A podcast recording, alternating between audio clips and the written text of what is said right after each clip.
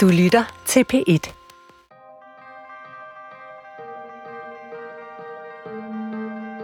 Jeg hedder Katinka Bjergård, og jeg er sanger og sangskriver, og har lige udgivet mit tredje album, Ekstremsport, som handler om at blive voksen, eller i hvert fald søge om at blive voksen, og så nok finde ud af, at det bliver man måske ikke rigtig nogensinde. Jeg bliver ramt af kunst hele tiden faktisk, men jeg bliver især ramt af sproget. Øh, min store sådan, inspirationskilde, det er litteratur og poesi. Og jeg har haft en helt speciel og særlig øh, kropslig oplevelse med øh, det, det langdigt, der hedder Mit Barn. Og den har du skrevet, Cecilie Lind. Øh, tak fordi, at du har taget imod invitationen øh, til at snakke lidt med mig. Jeg er meget beæret over. jeg tror, vi begge to er lidt starstruck. ja. øhm, jeg kan starte med at spørge, hvordan kan du mærke, når du bliver ramt af kunst? Jeg kan mærke, at øhm, der er noget foran mig, som, som er vigtigt, og som kan øhm, vise mig verden på en lidt anden måde, end den, der er lige for. Altså, jeg læser rimelig meget hele tiden, og jeg, jeg ser mange film og hører musik. Det gør alle mennesker, så jeg tror, hvis der er noget, der særligt træder frem, så, så, så kan man jo mærke, at, at man har en forbindelse til det værk, eller de tanker, der er bag, eller man kan, man kan føle sig øh, trøstet. Altså, så tit det handler om at føle mig trøstet på en eller anden måde, eller føle mig beroliget. Øhm, nu har vi jo lige snakket om før, øh, før at, at mikrofonen blev tændt, at der bliver meget snakket om mor, når man bliver mor og er kvinde og producerer kunst. Men nu øh, kaster vi altså ud i det, fordi det her det handler virkelig om at være mor. Øhm, jeg mødte dit digt øh, på anden uge af neonatal, hvor jeg lå med mine tvillinger øh, og min mand i sådan et beige helvede ude på Hvidovre. Øhm, mine tvillinger var født fem uger for tidligt. Det var ikke sådan øh, drama-drama, men det er lidt drama alligevel, når man får lidt for små tvillinger. Og vi skulle bo der et stykke tid, og det er ikke et sjovt sted at bo. Øh, og det der med bare at få, altså efter adrenalin øh, og lykkerosen er nede efter to dage, hvor at man lige pludselig vågner op og ikke kan huske noget som helst om sit liv. Øh, der havde jeg sådan, ja, der havde bare krise. Jeg havde sådan en fornemmelse af, at at jeg ikke kunne, jeg kunne ikke, jeg kunne ikke finde ud af armen, og jeg kunne ikke finde ud af de der små børn, og jeg kunne ikke finde ud af at sove, og jeg kunne ikke finde ud af at være vågen, og jeg var helt vildt angst for, at min mand ville forlade mig. Øhm, og, og jeg ligesom, man sad jo de der net under bukser, og havde ikke ligesom, altså var blevet sådan gjort hjemløs på en eller anden måde. Øhm, og så, jeg ved ikke, hvor, at jeg, jeg kan ikke huske, hvornår, hvor jeg har læst om den henne, men jeg fik min far til at købe den til mig. Og så kom han ud med den. Og det var den første dag i, altså de der, det var sådan, jeg tror det var efter en uge, hvor jeg læ- begyndte at læse den, at jeg sådan kunne trække vejret. For jeg følte sådan, at der var så meget, der var, der var så meget hud, og der var så meget angst, og der var så mange følelser, og det var så, det var så tæt på det hele. Øhm, jeg kunne ikke, jeg kunne slet ikke se, jeg kunne slet ikke se lige i, i den der oplevelse, jeg ligesom var inde i. Så jeg kunne ikke rigtig skrive om det selv. Sådan noget. Så jeg havde brug for nogen, der formulerede det for mig. Og det gjorde du så. Øhm, og jeg har en... Altså, jeg har virkelig haft svært for at vælge, hvad jeg skulle læse. Altså, sådan, hvad jeg, hvad, altså fordi jeg har sådan... Jeg har det som om, jeg har bare overstreget hele din bog. øhm, noget, som du gør igen og igen med at... Øh, at både skrive om kærlighed og smerte på samme tid, som det lidt er at få børn på en eller anden måde. Øh, vi er så trætte. Vi knuger os til hinanden. Barnet er en lænke, der ikke lader nogen fri. Vi sætter os oven på hinanden på en stol og visker os gennem et skænderi. Jeg digter en vrede op, for jeg har brug for mit raseri. Ellers er det så svært at føle noget. Et digt til trøst. En negl boret ind i den elskedes arm. Lille røde halvmåne. Lille bitte vold. Jeg tatoverer et ar og tænker, at det er eftermælet. Jeg er elsket ud af mig selv. Jeg kan ikke flygte. Øh, det der med, at det kommer så tæt på, men også at du tør at skrive om, øh, om nogle af de sådan, katastrofetanker, der er ved at blive mor. Øh, og de ting, man også tænker med, at man har lyst til at slå sine børn ihjel i en eller anden forstand, og sl- lyst til at slå sin mand ihjel, fordi han har skabt den her situation i ens krop, øh, det var faktisk... Og så samtidig skriver noget, altså, der er smukt. Øh, det gjorde alt for mig. Det var sådan min uddannelse i at være mor. Det var den her manual. Den her flotte, flotte, lækre, pure baby-bog. Ja. Ej, det, jeg bliver meget rørt af det, du siger. Det, øhm, det betyder enormt meget at, at høre. For jeg tror også, mens jeg skrev den, der var det også en følelse af at være virkelig ensom. Øhm, at skrive ud i et eller andet øh, tomhed, der føles meget altomsluttende. Øhm, så det har, ja, det, er- det er enormt øh, bevægende at, at mærke øhm, genkendelsen. Og altså, jeg, jeg skrev fra et sted, hvor jeg også var i, den- i den tilstand, du beskriver, men havde virkelig stort behov for at kunne kortlægge, hvad der skete, eller sådan en eller anden idé om, hvis jeg, hvis jeg skriver det, så kan jeg ligesom øh, se det. Eller Ja, det kender jeg sådan- godt. ja, fordi ellers så var det bare øh, filtret øh, øh, sammen. Øh, man kunne ikke skille den ene følelse fra den anden. Og, altså den, hvor hurtigt man går fra total lykke til total angst til total... Altså det, det, og det lyder jo skørt på en eller anden måde, men, men det er jo, opdager man, når man snakker med andre, øh, især mødre, øh, ekstremt naturligt, at, at det er sådan. Øh, Ja, og jeg synes, det, jeg synes, øhm, det er rigtigt det med, altså den der ensomhed.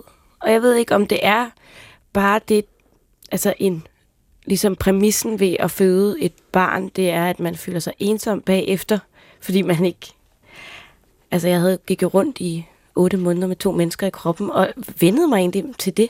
ja.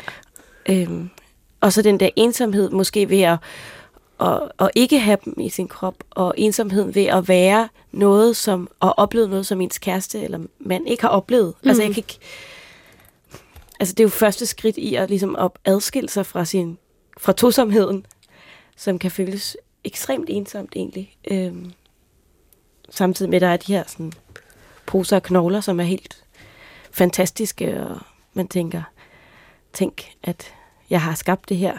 Tænk, hvor nemt det er at ødelægge det igen. Eller sådan. Ja. Ja. Jamen, det tror jeg også, den der finhed og uskyld, der kommer, den er så voldsom at tage imod, Ja. ja. fordi man står med det i hænderne, og man kan bare, man føler bare, man kan tabe det på gulvet, Ja. ja. hvis man ikke, øh, og det ansvar ved jeg ikke om, at det føler man i hvert fald meget tungt, når, man har, når det er ens krop, der Ja. har... Øh, men det, du sagde med at føle sig, det er også, jeg har også haft det meget som et forladt hus, det der med, at, der, at jeg nogle Ja. gange kan, jeg havde virkelig at være gravid, jeg synes ikke, det var rart, jeg havde kvalme hele tiden, og, og jeg var ikke sådan, altså, ja, det var ikke rart, men, men, men den der følelse af bevægelse i maven, og at der var nogen hele tiden, det er virkelig noget, jeg synes, man tager med sig resten af livet, at man, at man kan huske, at der boede nogen inde Ja. i en. Øhm, og altså, du har jo haft to på en gang, og så har haft to øh, efterfølgende, Ja. men jeg synes også, det var så, så, så underligt, at der kunne bo en ny, så, eller sådan, det er bare... det samme hus. Ja, præcis. Eller jeg ved ikke, den der graviditetsoplevelse er også bare syret, altså så syret af en anden verden, så det går man jo igennem før, man, eller ja. det, det er der jo ikke, ja, jeg har bare, det, der burde næsten, altså, det, Der burde være flere ord for det, Ja, synes jeg. ja. Og det var måske det, du har været med til fra mig i hvert fald. Det er sådan, at, at der er kommet lidt flere ord i den her ordbog af, og kropsligheden ved at blive mor, og så den fysiske øhm, sådan fornemmelse af og træng til at, og ligesom at have dem hos sig, og trænge til at slippe væk fra dem, og øh, øh, brystbetændelse, og den fornemmelse af, altså af ens egen væsker, at man bliver meget sådan bekendt med sit eget sådan, ja, alle, alle, alle de væsker, der kan komme ud af ens krop. Øh, ja, det er sådan, det, det sprog havde jeg så ikke, altså synes jeg ikke, jeg kunne finde i noget før, du har skrevet det her. Altså sådan noget, der, der var så langt nede i revnerne. Jeg er på randen af et sammenbrud, tror jeg. Min elskede havde lagt en banan i barnevognen. Han sagde, bananen siger hej. Den stak ud fra kanten som et lille dyr, som en lille gul snude. Jeg tænkte, den er ond, den frugt. Hvad vil den frugt? Hvad vil den mig? For mange, for meget henvender sig. Jeg må straffe frugten. Jeg smed bananen på asfalten, kørte den over med barnevognen, forsøgte at sparke den smadre bananen ind i en hæk. Gik med ild i øjnene og straffede frugt i hjertet hele vejen til Statens Museum for Kunst. Jeg så ikke til barnet en eneste gang. Jeg vidste, at han var død, kvalt ihjel, af at jeg ikke lindede på regnslaget. Det var min overbevisning. Jeg ville ikke være den skyldige. Jeg ville overlade det til min elskede at opdage barnet under regnslaget, dødstiv. Jeg fandt hvile på en bænk, og min elskede kom og forklarede mig sagernes rette sammenhæng. Jeg har ikke gjort mit barn fortræd, fordi jeg ikke forstod bananens budskab. Barnet lever. Jeg er ikke en dårlig mor, siger han. Øhm, ja, altså, jeg, altså den har også været øh, fire gange så lang, og så den var meget mere... jeg har virkelig... Øh, jeg har også øvet mig meget på at skære ind til benet den her, fordi jeg har jeg havde mange lange associative ting, udtalt muligt andet. Øhm, så, så, øh, så mens jeg skrev, var det virkelig også bare meget krop og meget her og nu. Og så har det været en meget kontrolleret redigeringsproces, men, øh, men ja, jeg havde bare jeg havde bare brug for at stå et sted, og det eneste sted, jeg kunne stå, var i, i formuleringen af, hvad der skete, og det er også svært for mig, fordi jeg er ekstremt blufærdig egentlig, så det er også, øh, det, det, øh, jeg har svært ved selv at læse op af den, øhm, også fordi det kommer tæt på øhm, ja. på en eller anden måde. Det, det var meget smukt at høre dig læse det, fordi jeg kan godt lide, når det lige bliver forskudt fra mig, at det er en anden stemme og, og krop, der, der siger det, fordi jeg, jeg tror, at, øh, at det er jo ikke en til en med mig, men det er det jo også, så det... Men jeg synes, det er ret modigt. Altså, jeg, jeg kan næsten ikke... Det der med, at, at når du siger, at du er mm. privat, for jeg synes jo slet ikke, den er privat. Altså, den er jo sådan helt... Ja.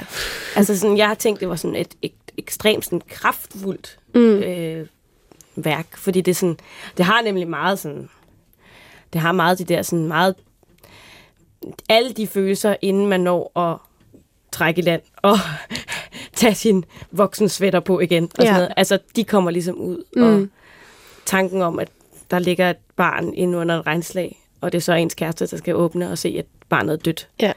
Hvordan kunne du kombinere det? Altså, Jamen, det er bare, jeg tror også, jeg, altså sådan har jeg, jeg skriver, jeg skriver meget hæmningsløst. Altså ja. sådan, fordi jeg virkelig bare, det er der, jeg har fat i mig selv på sådan en, en vild måde, og, og fat i, altså der sker bare et eller andet virkelig fedt for mig, når jeg skriver. Det tror jeg, du, men når man ja. virkelig får fat i noget, ja. hvor man kan mærke, okay, her er noget, ja. og der kan jeg bare sige alt. Og så har ja. jeg sådan en regel, øhm, om at jeg må først tænke på, hvad der... Altså, hvis jeg skriver noget, så skal det bare få lov at være der. Ja. Så kan, jeg kan altid fjerne det.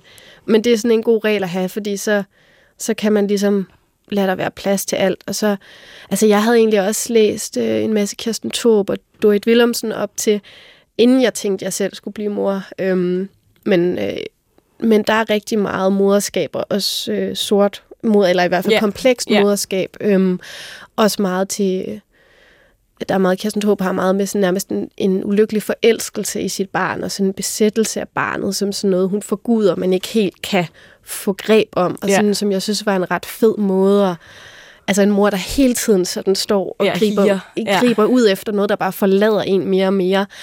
Øh, så jeg havde også alt det med mig, og, det, og som du siger, blive genkendt, det tror jeg virkelig også var godt for mig, at jeg havde set de der ting beskrevet.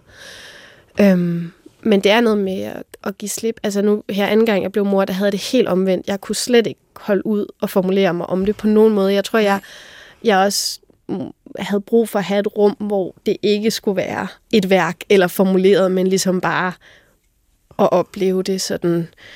Øhm, så, så det var meget forskellige oplevelser i forhold til at være inspireret eller skabe ja. ud fra det, fordi jeg bare og jeg tror også, nu kender jeg jo min dreng. Altså, da jeg skrev det her, der var han stadig det der mellemstadie at være min krop og være noget, jeg ikke vidste, hvad var. Og, altså, og nu der er også en anden blufærdighed på hans vegne jo. Ja, øhm, ja det, det, det, kan jeg, det kan jeg virkelig godt forstå. Ja. Det har også sådan været en af mine spørgsmål omkring. Altså, fordi jeg har jo ligesom... Øhm, altså, fordi jeg simpelthen har så svært ved at skrive. Vi har sådan noget, i min familie har vi en tradition med, at man skriver sange til de børn, der bliver født i familien. Okay. Altså jeg har sådan tre store brødre, hver gang der kommer et barn, så er der en anden en, der skal skrive sangen.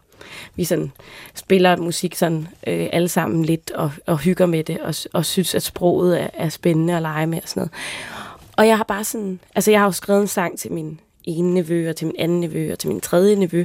Men det der med sådan, at skulle skrive til min egen børn. Jeg synes, det var så svært. Og så også måske fordi, at mit, mit univers egentlig er meget sådan på en eller anden måde sådan lidt klistret af og one night stands og, og dårligt selvværd og sådan, sådan lidt, øh, altså at være sådan lidt utilpasset i, øh, og sådan lidt, ja, jeg boller med dem, jeg har lyst til, og, sådan, og så var jeg bare sådan, jeg kunne slet ikke se, hvordan jeg skulle, jeg havde nemlig også sådan, som du nævner med dit andet barn, den der følelse, jeg ville slet ikke kunne se for mig, hvordan jeg skulle kunne putte de der smukke, mærkelige væsener, som jeg slet ikke sådan kender, eller sådan, jeg slet ikke føler sådan, at jeg, sådan, jeg synes slet ikke, jeg havde sproget til at kunne, kunne give dem det, jeg gerne ville give dem. Det var det sværeste på mit nye album, at faktisk skrive noget, der handler om dem. Og det mm. blev så også sådan en halv sang. Øh, fordi jeg, jeg, jeg simpelthen, jeg kunne ikke, jeg følte ikke, at jeg kunne give dem nogle ord, der kunne fange dem. Nej. Der kunne indfange det, som de var. Øhm, så ja, og ja, så synes jeg bare, det var sådan helt vildt, at du kunne i en eller anden forstand. Altså, beskrive noget af det der med, ja, øh, tråden mellem mor og barn, og den rytme, der er i det. Det er jo mørkt, men der er rigtig mange, der bare genkender det, og, og jeg tror, jeg følte mig meget normaliseret af de reaktioner, jeg fik, at ja. det var egentlig enormt terapeutisk i sig selv, så, øhm, at, at blive mødt af den genkendelse. Øhm. Det er også det, jeg oplever sådan, nogle gange, når jeg skriver nogle meget, altså nogle, også nogle forholdsvis sådan, blå tekster, eller sådan noget, altså at, at folk bliver meget sådan, og det gav mening, eller sådan, og, mm. det, og det er jo også sådan egentlig sådan, jeg har det selv, altså det er det, altså, det er det blå egentlig, der, der taler til mig, og jeg synes også, altså, det er meget mørkt, men jeg tror også, jeg ligesom, på en eller anden måde, så er det dejligt at få det hele ligesom smadret op i ansigtet, fordi så bliver man ikke så, så man ikke så angst for det længere. Fordi det er sådan, man, der er jo bare, og jeg, jeg, man kan jo ikke sige, om det er samfundet, eller om det er alt for damerne, eller hvad det er, der gør, at, at der er nogle forventninger til at være mor, som, som jeg er ikke sikker på, at nogen kan udfylde.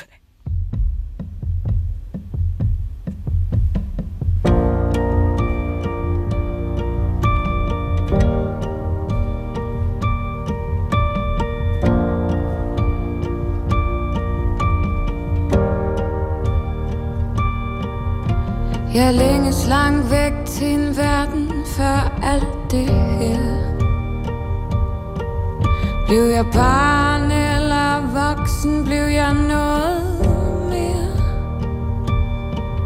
Jeg ved ikke, hvad der er mig, jeg er smurt ind i jer. Men I sover så trygt, som om I ved, hvem jeg er. Lige vej forsvinder, når vi går. Kærlighed som et åbent sår. Som et åbent sår.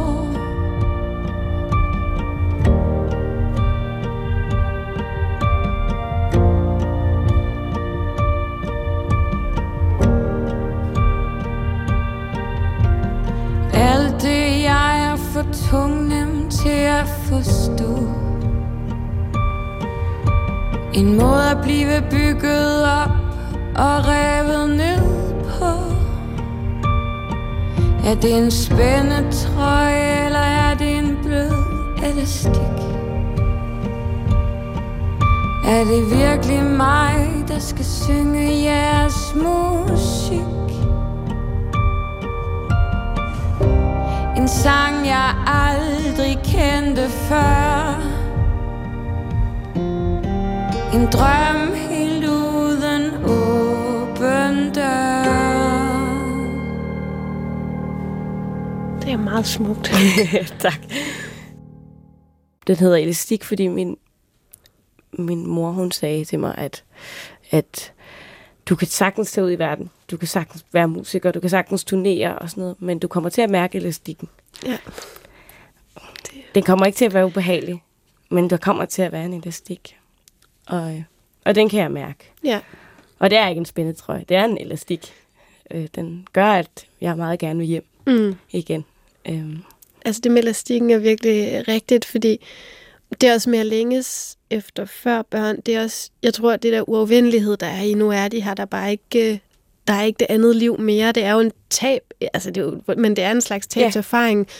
Ja. Og, og jeg har tænkt tit det der med, at man fortryder, hvis man ikke får børn. Eller mm. man fortryder de, hvad er det? Jeg kan ikke huske, hvad man siger. Man Et fortryder eller de børn, man ikke... Nej, jeg kan ikke huske det. Ja. men, ja, men, ja, et eller andet. Men i hvert fald, at at der, det er jo en vej at gå og få børn. Og der er også den anden vej, hvor man bare var kunstner og ikke havde den elastik. Ja. Og, og, og der er stadig en del af mig, der godt kan længes efter den slags liv, hvor at den redsel for, hvad der sker med mine børn, og den, lige nu er verden jo også bare ja, i stykker. Altså, jeg synes fandme, det er en hård tid at være mor i, fordi jeg kan ikke føle, at jeg sender dem ind i en fremtid, der er, er god. Altså, det... Især når man har pandemibørn, og så... Ja. Øh og så kommer der lige en... En krig og en ja. klimarapport. Altså, det, ja. Øhm, ja. den synes jeg også er hård oven i, i, i alt det andet, at... Øh, men, men, men jeg, jeg tror bare nogle gange, at det er vigtigt at sige, at det er jo ikke, fordi man ikke oplever et tab, når man bliver mor. Øh, men det er jo, det er jo et valg. Altså, man vælger mellem... Øh, Øhm, jeg ved ikke, jeg har nogle gange bare synes, at det var som om, at der kun var en sorg over ikke at få børn, men der er jo også en slags, i hvert fald erkendelse af, at man har, man har man har valgt, at, at ens hjerte og ens følelser og ens kræfter skal, skal gå til de her børn, og det er meget af ens selv. Man, ja. øh, man har investeret i, i noget, man ikke kan kontrollere, som du siger. Man kan ikke... Øh... Nej, det er ikke sådan, at man fik to mm. små fans, vel? Nej, altså, eller lige ja, indtil... Nej, slet ikke hos mig. De har været meget kølige omkring. Du har været med i toppen med poppen. Vi er ligeglade.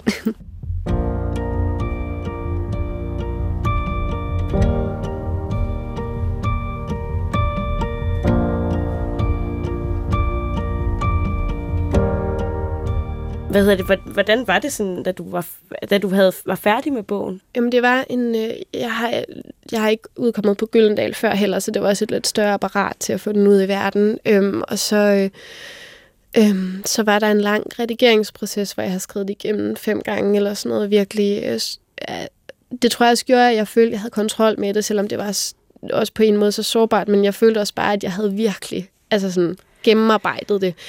Øhm, så, så, men så da den skulle udkomme, der var jeg bare redselslagen. Altså jeg havde bare sådan en idé om, at der stod dårlig mor skriver dårlig bog som overskrift til en anmeldelse. Jeg var sådan, jeg er øh, nu gift med en anmelder, så jeg, kan altid, jeg er altid god til at forestille mig, ligesom, hvordan ja. man kan blive. Øh. Ja.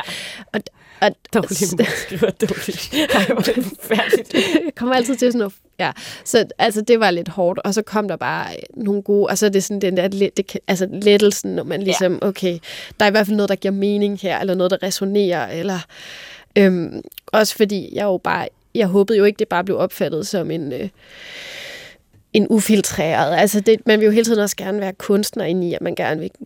Altså det, jeg synes bare, der er nogle dobbelt øh, behov for, eller sådan, for, hvordan man bliver set, som jeg kæmper lidt med. Men øh, altså, jeg tror også bare, som kvinde har man bare sådan en stor angst for at blive reduceret, fordi ja. man så hurtigt, altså man kan så hurtigt blive gjort til det her med piget tekst, eller det, eller det tror ja. jeg bare, man har mange oplevelser tidligt med. Så jeg bliver også ked af at sidde og ikke vil ja. eje, at det her er en, er en bog, der handler om moderskab. Ja, fordi din er jo, det er jo, ja. altså hvis det, ja. hvis det ikke var en, en bog om, altså en moderskabslitteratursbog, men altså, altså moderskabslitteratur er også lidt ærgerligt at sige, fordi mm. jeg tror, altså min mand har også læst din bog. Altså mm. det der med, det er jo en fornemmelse af, at man, altså det er, mås- det er måske de der kategorier, som, som, som vi ligesom, altså som kvindelige øh, kunstnere, eller hvad man nu kalder os, øh, der producerer noget, vi bliver kategoriseret rigtig hurtigt. Yeah. Man bliver kategoriseret, hvis man bliver mor, og så har man ligesom... Altså, for mig så er det jo sådan 10 års øh, musikalsk arbejde, der i en der på et kort sekund bliver reduceret til, at nu er jeg tvillingemor. Ja. Altså, som jeg også nævnte før, det er jo ikke en bedrift at lave tvillinger, eller sådan, det, det kan det jo ikke være i sig selv, eller sådan, så kan det jo være der, man har nogle tanker om det, mm. eller altså, og der er en masse ting, som jeg ikke behøver at give til verden, eller sådan, og så, altså hvor at, ligesom før i tiden kæmpede jeg meget for at ikke at være sådan den lille pige mm. med den lille sjove guitar, eller sådan. ja. øhm, og det er måske nogle kategorier, vi især er glade for at putte kvinder ned i, Øhm, fordi at det stadigvæk føles som om, at vi er et mindretal. Hvilket vi jo så også er i det, altså er os, der producerer. Mm. Øhm, men ikke i, i virkeligheden.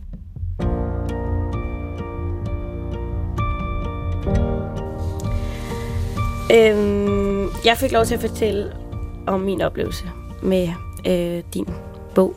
Men, men jeg vil også lige spørge dig, hvad, hvad er du blevet ramt af? Sådan, ramt øhm, dig dybt. Ja, jeg har ligesom tænkt over det, og der er, der er jo hele tiden tusind ting, man kan tage fat i, men så tænkte jeg bare, at jeg ville tage det seneste, jeg var blevet ramt af. Øhm, og jeg ser næsten ingen film for tiden, fordi der er ikke tid til, og så er vi for trætte og sådan. Men så så jeg Paris, Texas igen, som jeg har set for lang tid siden, som jo er en øh, gammel film, som jeg tænker, mange har set. Øhm, det tror jeg ikke, jeg har set. Den er så god. Hvad hedder den? Paris, Texas. Ja. Øh, Wim Wenders øh, filminstruktør. Jeg kan ikke lide hans andre film, men den er bare ekstremt poetisk, og der er noget, øhm, noget med lyssætningen i filmen. Den er enormt sådan, ikke slikagtig, men det er sådan meget lysende, pastelagtigt, men også lidt døsigt. Der er sådan en eller anden... Altså halvdelen af filmen er lyset i den, og det synes jeg bare... Øhm, det var en meget... Øh, en meget nænsom film. Altså de menneskelige relationer, der er en enorm nænsomhed i skildringen af karaktererne. Altså det handler om en, øh, en mand, der vandrer rundt ud i ørkenen, og man ved ikke hvorfor. Og så, øh, så finder han... Øh, så, så finder han frem til et hus, hvor han får noget hjælp, og så øh, bliver han øh, forenet med sin bror og hans svigerinde, som han ikke har set i fire år. Og så har han en søn på otte. Øhm, og det er ligesom først lidt uklart, hvad forhistorien er, men så er der den her ulykkelige kærlighed til en ung kvinde, der så øh, er, er blevet sådan en, øh, hvad hedder det, altså hun sidder bag en skærm og sådan prostitueret, eller sex øh, ting bag en skærm. Øhm, og så, øh, så er der sådan en scene, hvor de har en samtale gennem en telefon, hvor han ligesom opsøger hende med den dreng. Jeg er super dårlig til øhm, resumere, fordi jeg aldrig rigtig lægger mærke til plot, så det beklager jeg, men det, der ramte mig, var mere, at der hele tiden var en vilje til at forstå karaktererne, til ikke at dømme dem, og til virkelig at give dem plads, og ikke på sådan en, en overtydelig måde, men der er bare sådan en, øh, en omsorg for dem alle sammen, selvom man sagtens kunne have fremstillet dem frygteligt alle sammen. Øhm, ham som en voldsmand, og hende som en frygtelig mor, der havde for... Altså, men, men den vil bare det nænsomme, og det skønne i de der øhm, menneskelige følelser. Øh, og, og det er også på den baggrund, at der sket nogle voldsomme ting, som bare på en eller anden måde bliver ragt frem og siger, se her. Jeg tror også, øh, i den tid, der er nu, og sådan, jeg har brug for, jeg kan ikke så godt lide kunst, der er for voldsom lige nu. Jeg har meget brug for noget, der er øh, ikke positivt på den måde, men at der er noget blidt, eller ja. noget nænsomt, eller noget omsorgsfuldt i det øh, egentlig. Det giver, synes jeg giver meget god mening. Øhm, for tiden er man, ser man sig ligesom fanget i, at man er nødt til at læse en masse nyheder for, nyheder for at læse noget avis, for ligesom at, mm. at få, altså, finde hoved og hele i verden. Ja. Øhm, og så er det bare, så, ja, så har man brug for en eller anden, øh, vi hører sådan meget sådan, øh, sådan meget sådan noget indie, øh, blidt, sådan, øh, vi har et band, der hedder Wither Station, som laver, sådan, har sådan en klaver øh, album, hvor de synger og klaver, vokal og klaver, sådan, hvor det er sådan, at det er også den der fornemmelse af, at man har brug for noget, der sådan ikke øh, mætter alt for meget. Øh, mm. Fordi det er som om, at man er, man er fuldstændig mættet af følelser.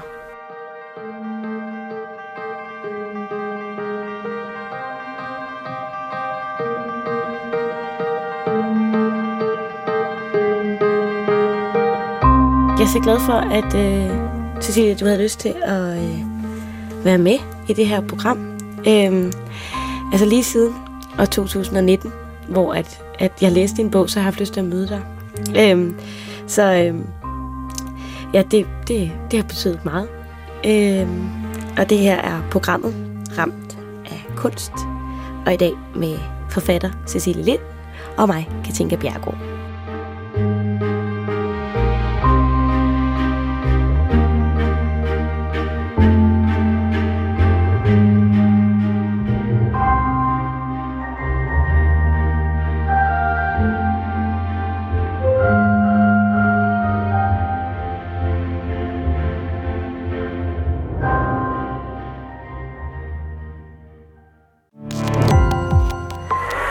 Opdagelse i alle DR's podcast og radioprogrammer. I appen DR Lyd.